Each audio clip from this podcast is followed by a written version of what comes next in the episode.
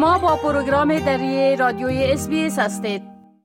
شنونده های عزیز امروز آخرین روز هفته آشتی ملی در استرالیا است. اکنون با همکارم فتی سامه در مورد پسمنظر و هدف برگزاری ای هفته صحبت می کنم آقای سامه سلام عرض می کنم خب اولتر از همه اگر لطفا بگوین که هفته آشتی ملی چیست و همچنان اگر درباره پس منظر تاریخی او و هدف از برگزاریش یک مقدار روشنی بیندازین سلام با شما شنده های محترم. خدمت هست شما.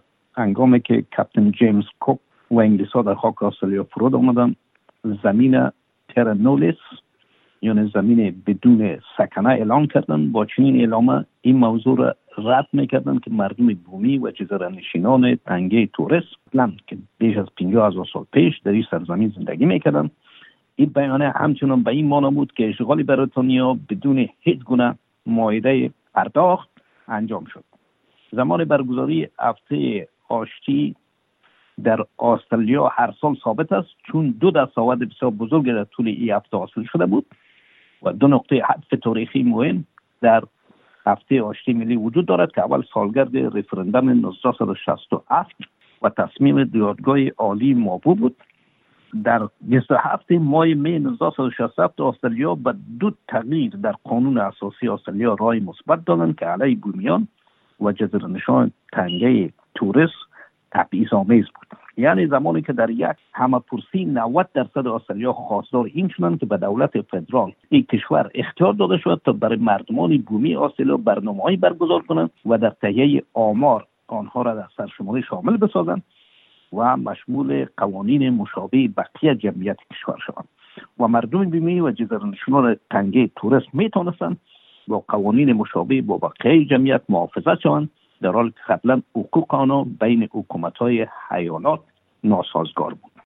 دوم دستاورد دوم در روز 3 جون سال 1992 حاصل شد.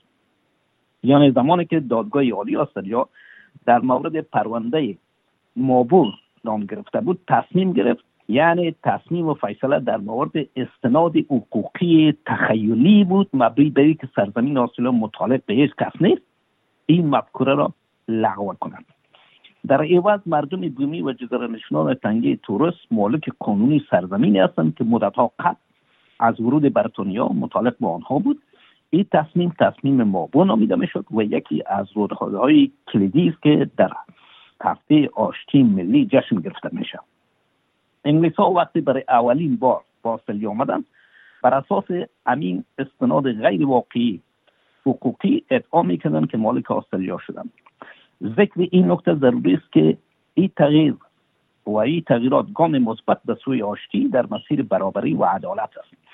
هفته آشتی ملی زمان است که استرالیا را به هدف وحدت نزدیکتر می کند و در و در حین حال به مبارزات علیه تصمیمات تبعیض‌آمیز گذشته می‌پردازند اما قابل یادآوری است که با وجود لغو قوانین تبعیض‌آمیز هنوز هم مردم بومی که در طول اشغال برای مدت طولانی رنج فراوان متقبل شدند نسلهایشان بر اساس پلیسی جذب و فرایند امسانسازی و همبستگی فرهنگ و زبانشان در آشیه قرار گرفت. بسیاریشان نابود شدند هنوز هم مشکلات زیاد رنج می‌برند از مشکلات و توجه بیشتر اقدامات جدیدتر برای بهبود زندگی اجتماعی اقتصادی بهداشتی و آموزشیشان. از طرف دولت مردان و نهادهای مربوط لازم است البته در این هفته با مشکلاتشون توجه میشه و تدابیر لازم راهی بیرون رفت که واقعی از این به طور عملی اتخاذ میشه. بله خب می‌تونین بگوین هر سال هفته آشتی ملی یک شعار داره. می‌تونین بگوین که شعار امسال ای هفته چی است؟ امسال شعار یا موضوع صدای برای نسل ها باشه انتخاب شده است.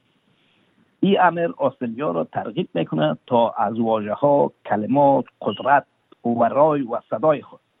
برای ایجاد یک استرالیای بهتر و عادلانه تر برای تمام مردم همسان و به خصوص ابریجینیا یا بومی های استرالیا باید در نظر بگیرم بله.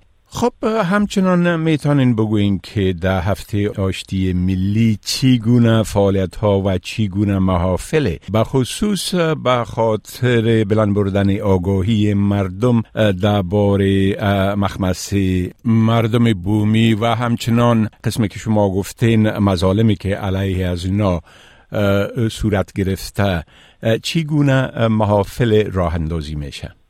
در استرالیا روز عذرخواهی در 26 ماه می یعنی یک روز پیش از آغاز هفته آشتی ملی برگزار میشه و این مراسم بر نخستین بار در سال 1998 در سیدنی برگزار شد. در حال حاضر همه ساله روز عذرخواهی در سرتاسر کشور و یاد و احترام نسلهای دزدی شده گرامی داشته میشه. برنامه ریزی بزرگداشت هفته ملی بر یک سازمان غیر انتفاعی مستقل تحت عنوان Reconciliation Australia می باشد و این سازمان ایجاد و ترویج و ترویج فرهنگ آشتی در میان مردمان نخستین یعنی جزیره جزیره نشین تنگه توریست و سایر آسیا را سلوه کارهای خود قرار داده و علاوه بر آن فعالیت ها و برنامه دیگری نیست. در تعداد زیاد از محلهای کار و ایرای آموزشی دانشگاه ها شوراها و سایر نهادها به منظور بزرگداشت یافته ترتیب میشه و در اینجا البته مردم ترغیب میشه که شرکت بکنن. کوشش میشه که به کودکان راجع به تاریخ آسندیا و چرا این هفته برگزار میشه درس داشته و از طرف دیگه مثلا با هنرشون به تصاویر بسیار زیبایی که نقاشی می‌کنن هی هم می‌تونه ترویج شود و در حین زمان این وسایل و منابع را به دسترس معلمین و خصوص توی پایانتر یا کلاس های پایینتر بر از که با تاریخ و روند زندگی مردم آشنایی پیدا بکنن می‌تونن سهم خود ادا بکنن. اما اگر کسی معلومات بیشتری در این مورد بگیره می‌تونه به دو چیز گوگل کنه به نام National Reconciliation Week یعنی هفته آشتی ملی و همچنان National Sorry Day یا روز ملی متاسفم می‌تونه معلومات مورد نظر به دست بیاره بله. خب بسیار تشکر آقای سامی از این معلوماتتان و فعلا شما را به خدا می سپارم و روز خوش برتان آرزو می کنم همچنان برای شما تشکر. خدا حافظ. می خواهید این گونه گزارش ها را بیشتر بشنوید؟ با این گزارشات از طریق Apple Podcast، Google Podcast، Spotify و یا هر جایی که پادکاستتان را می گیرید گوش دهید.